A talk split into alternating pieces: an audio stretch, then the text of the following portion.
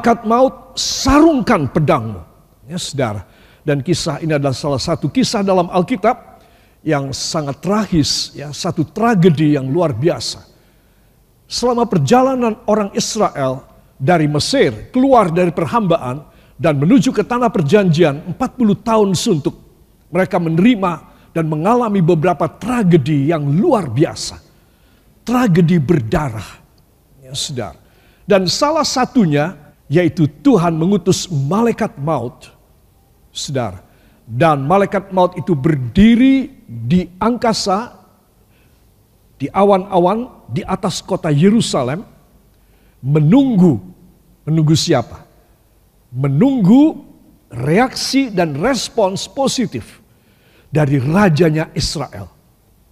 Saudara. Jadi dia berhenti di atas, dia diam, tapi pedangnya masih terhunus. Dia belum bergerak lagi.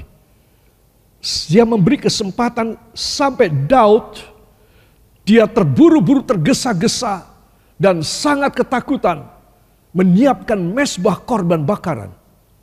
Saudara, tepat di bawah malaikat itu melayang. Saudara, dan itu ternyata di tempat satu tempat dan dia membuat satu mesbah di sana dan Tuhan berkata, ini yang tema kita, malaikat sarungkan pedangmu.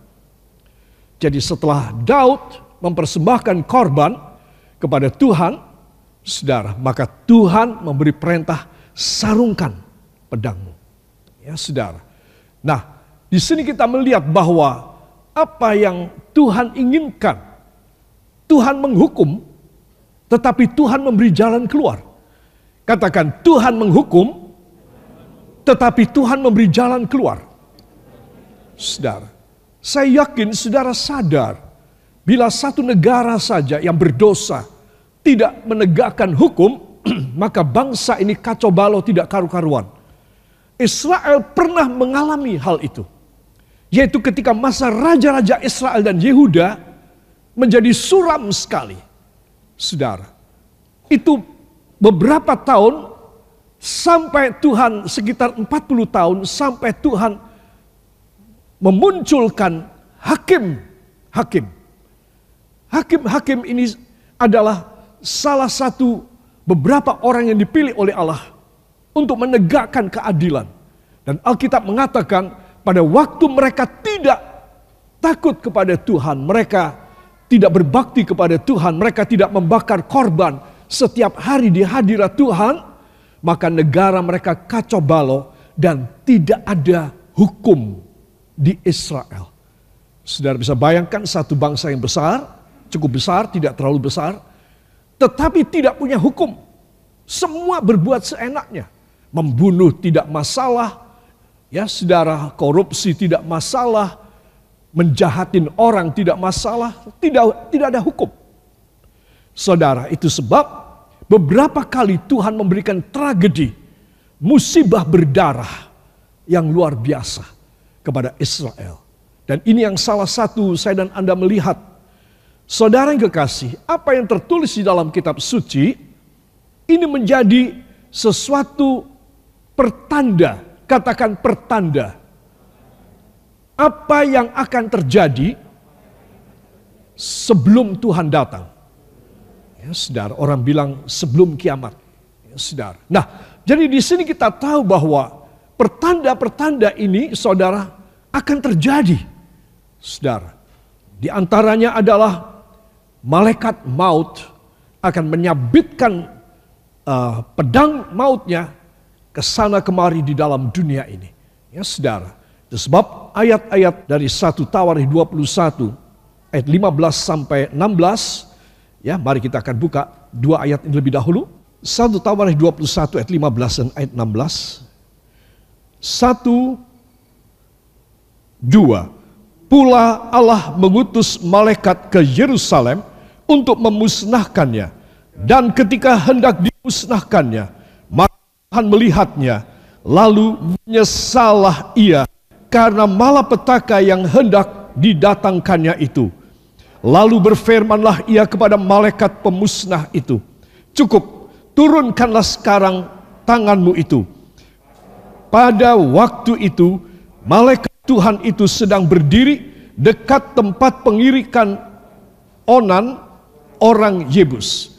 Ketika Daud melihat mukanya, maka dili ketika Daud mengangkat mukanya, maka dilihatnyalah malaikat itu berdiri di antara bumi dan langit dengan di tangannya pedang terhunus yang diacungkan ke arah Yerusalem. Lalu dengan berpakaian kain kabung, sujudlah Daud dan dan para tua-tua. Amin. Ya, saudara. Para kekasih di sini kita melihat bahwa Daud melihat dengan mata kepalanya sendiri, saudara malaikat itu berdiri di awan di awang-awang antara langit dan bumi, saudara, dengan pedang yang terhunus. Kemudian dalam ayat 22 sampai 27 tidak usah kita baca, di situ Tuhan memberi perintah untuk pedang itu disarungkan kembali. Ya, saudara. Setelah apa? Setelah jatuh 73 ribu orang. Dalam tiga hari, 73 ribu orang. Mati. Ya, saudara. Nah di sini kita melihat bahwa Tuhan memberi hukuman semua katakan, tetapi Tuhan juga memberi jalan keluar. Saudara, ini keistimewaan dari apa yang Tuhan mau lakukan bagi manusia supaya manusia sadar bahwa dia Allah yang adil, Allah hakim di atas segala hakim, tetapi dia penuh dengan belas kasihan. Amin. Ya, dia penuh dengan belas kasihan. Itu sebab para kekasih apa yang kita pelajari ini adalah satu pelajaran yang penting menjelang keadaan-keadaan yang luar biasa kacau dan chaos pada waktunya nanti. Saudara, saya mau sekilas supaya saudara tahu kesalahan Raja Daud dalam angka 1 Tawari 21. Orang dalam penghitungan Israel dihitung ini yang menjadi sebab Tuhan murka kepada Daud yaitu Daud membuat sensus tentara. Dia menghitung tentaranya, kedapatan seluruh Israel 1,1 juta, seluruh Yehuda kedapatan 470 ribu. Ya, sehingga semuanya 1,57 juta. Saudara yang kekasih, dia punya panglima perang, yaitu Jenderal Yoab, dia cukup bijaksana. Yoab sendiri juga kaget. Masa kita punya orang segini banyak tentara satu setengah juta lebih. Itu sebab Yoab tidak memasukkan perhitungan tentara dari suku Benyamin dan suku Lewi. Yoab punya pikiran begini, kalau aku masukkan betapa sombongnya raja nanti. Itu sebab dia tidak memasukkan angka dari dua suku ini. Ya saudara. Para kekasih, hukuman Allah yang harus Daud pilih ada tiga yaitu tiga tahun rakyat kelaparan, atau tiga bulan dia dikejar-kejar oleh pedang musuhnya, atau dan ini yang dipilih oleh Allah tiga hari ya pedang Allah di mana jatuh 70 ribu orang tewas dalam tiga hari. Saudara, kalau saudara melihat tiga tahun, tiga bulan, tiga hari, ini tentang waktu. Ya, saudara. Dus waktu inilah yang akan menjatuhkan hukuman. Saudara, ya apa maksudnya? Maksudnya bahwa semua orang harus bertanggung jawab dengan waktu yang dia pakai. Jangan sampai waktu yang dia pakai, saudara, untuk sesuatu yang salah, karena Tuhan juga akan menghukum dalam periode periode waktu juga.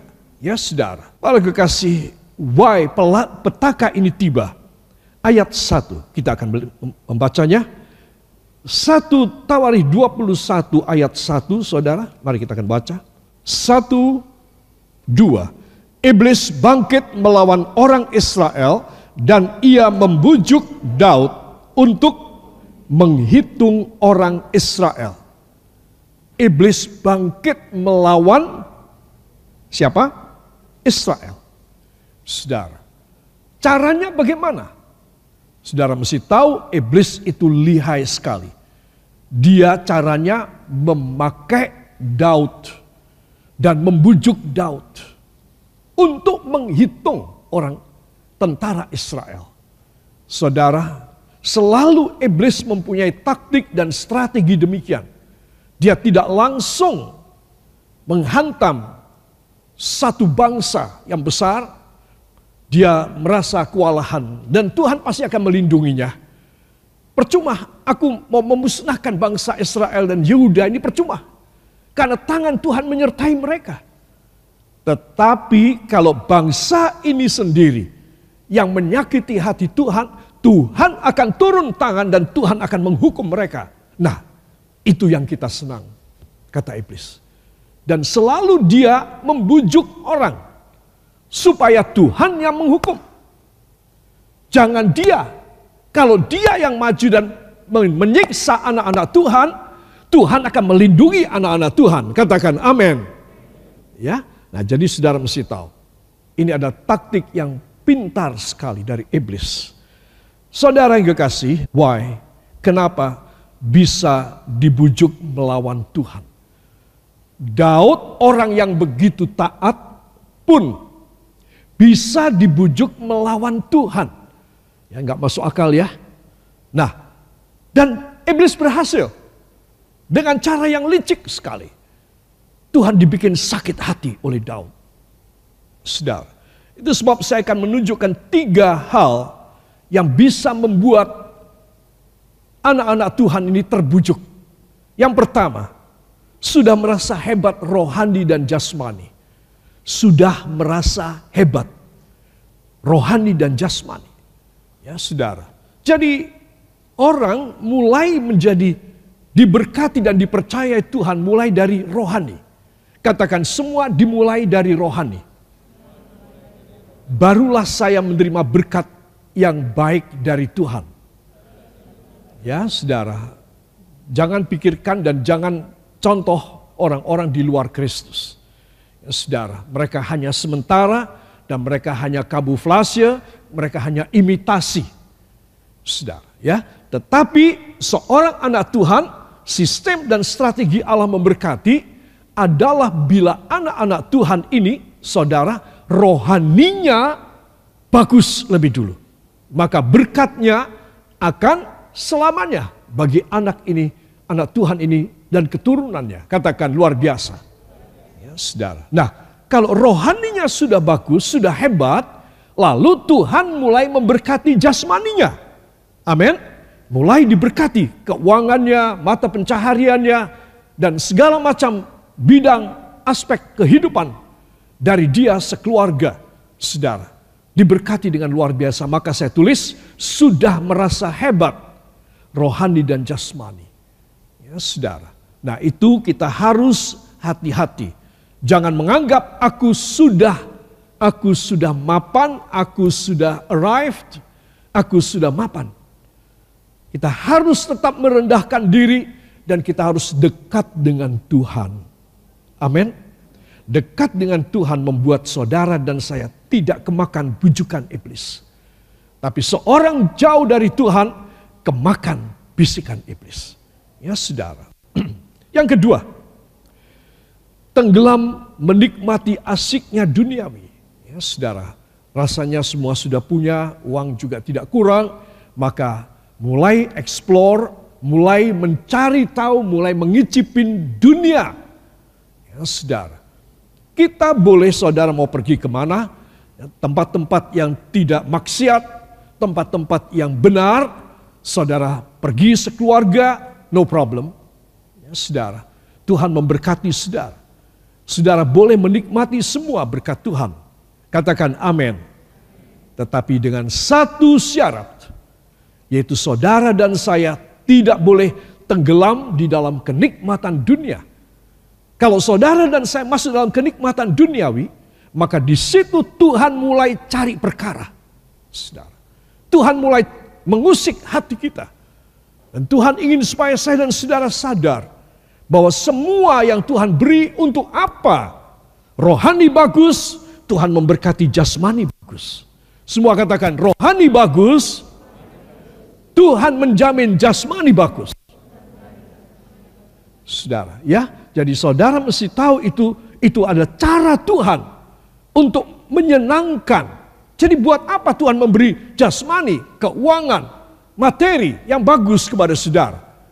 Maksud Tuhan supaya saudara menikmati. Jangan punya pikiran Tuhan menyiksa saudara, menekan saudara, menjajah saudara, sehingga saudara tidak bisa menikmati segala keadaan dalam dunia. Siapa bilang Tuhan memberi berkat kepada saudara? Amin. Semua katakan dengan syarat saya sudah mempunyai rohani yang kuat. Ya, saudara. Jadi saudara mesti tahu akan hal ini. Jadi jangan saudara rohani tidak kuat, saudara tidak setia, tapi saudara punya uang, lalu saudara mau mengeksplor kesenangan dunia, saudara masuk dalam lumpur dosa. Ya, tapi kalau seorang anak Tuhan dia kuat rohaninya, saudara, maka saudara akan mempunyai satu kekuatan yang ajaib dan saudara tidak akan pernah jatuh dalam dosa karena saudara bisa menikmati hal-hal di dalam dunia ini. Amin. Jadi saudara mesti tahu rahasia Allah ini.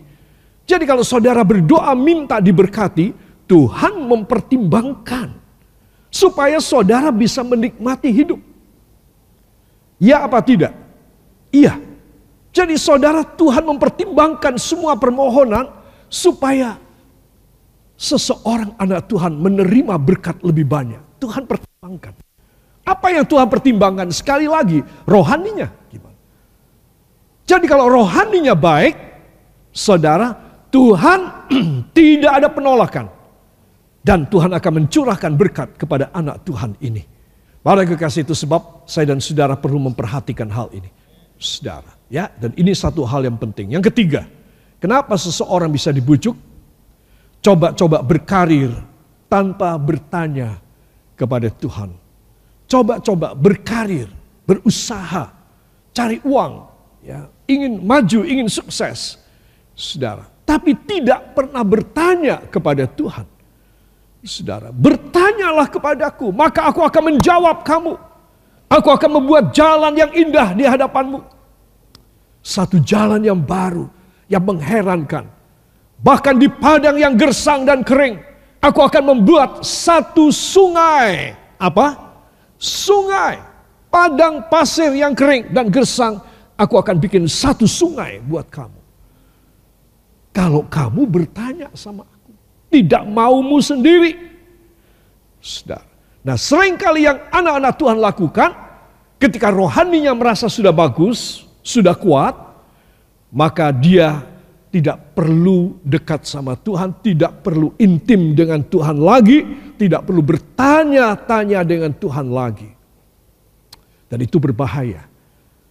Orang yang jauh dari perkataan Tuhan, dari bisikan Roh Kudus. Kalau saya bertanya sama Tuhan, Tuhan menjawab saya, dia membisiki saya.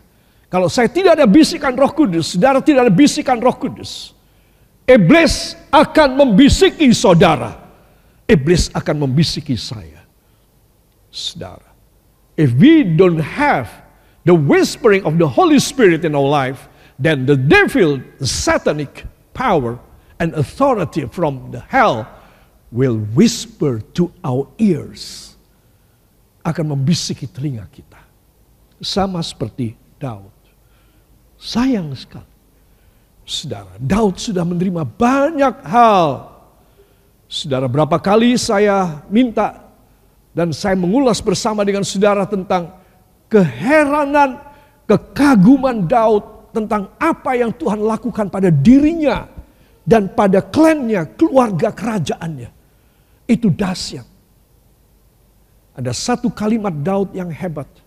Dan Tuhan. Itu semuanya masih kurang di mata Tuhan. Masih kurang di mata Tuhan. Bahkan engkau menunjukkan kepada hamba sederetan laki-laki yang gagah perkasa yang semuanya duduk di atas tahta-tahta Israel dan Yehuda yaitu anak keturunanku. Coba. Daud dia melihat satu visi dalam salah satu doanya bahwa anak-anak keturunan dia laki-laki yang gagah-gagah duduk pada tahta-tahta kerajaan Israel. Saudara, belum terjadi. Tapi dia sudah dikasih lihat oleh Tuhan. Makanya Daud berkata, dan itu semuanya belum cukup Tuhan. Yang engkau perbuat buat hambamu. Itu sebab hamba mohon supaya engkau menjaga hamba. Dan isi keluarga hamba untuk tetap ada di hadiratmu 50 tahun. 75 tahun. Satu abad. Selama-lama-lama-lama-lamanya. Itu permintaan Daud. Jadi apa yang diperbuat oleh Allah kepada raja ini dahsyat, saudara. Dan dia selalu datang sehari tiga kali sujud di hadapan hadirat Tuhan. Selalu dia mengatakan, siapakah aku ini Tuhan. Dia selalu mengatakan siapakah Daud ini. Seorang yang tidak berharga. Tapi engkau jadikan dia berharga dan, ber, dan berharga di matamu Tuhan.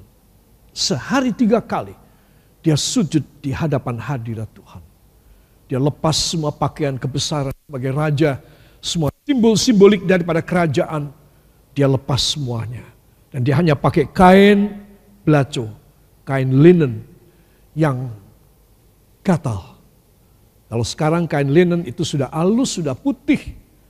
Ya, saudara, orang yang berduka dia pakai kain belaco itu putih semuanya. Halus tidak gatal di kulit. Daud sehari tiga kali dia pakai baju yang kasar dan yang berat kain linen. Saudara. Dan dia selalu mengakui bahwa semua anugerah Tuhan. Orang ini sudah cukup dekat dengan Tuhan. Entoh iblis masih bisa membisikin orang ini. Heran ya. Jadi jangan ada seorang pun yang merasa dirinya kuat.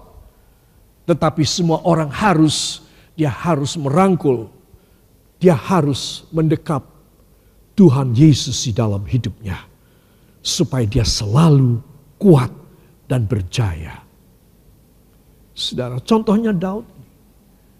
Dan iblis berhasil membisikin dia. Wah, kayak apa senangnya iblis. Seneraka, semua bersorak-sorai. Karena satu orang biji mata Allah sudah nurut pada bisikannya. Saudara. Nah, ini hal penting sekali para kekasih. Biarlah kita selalu dekat dengan Tuhan.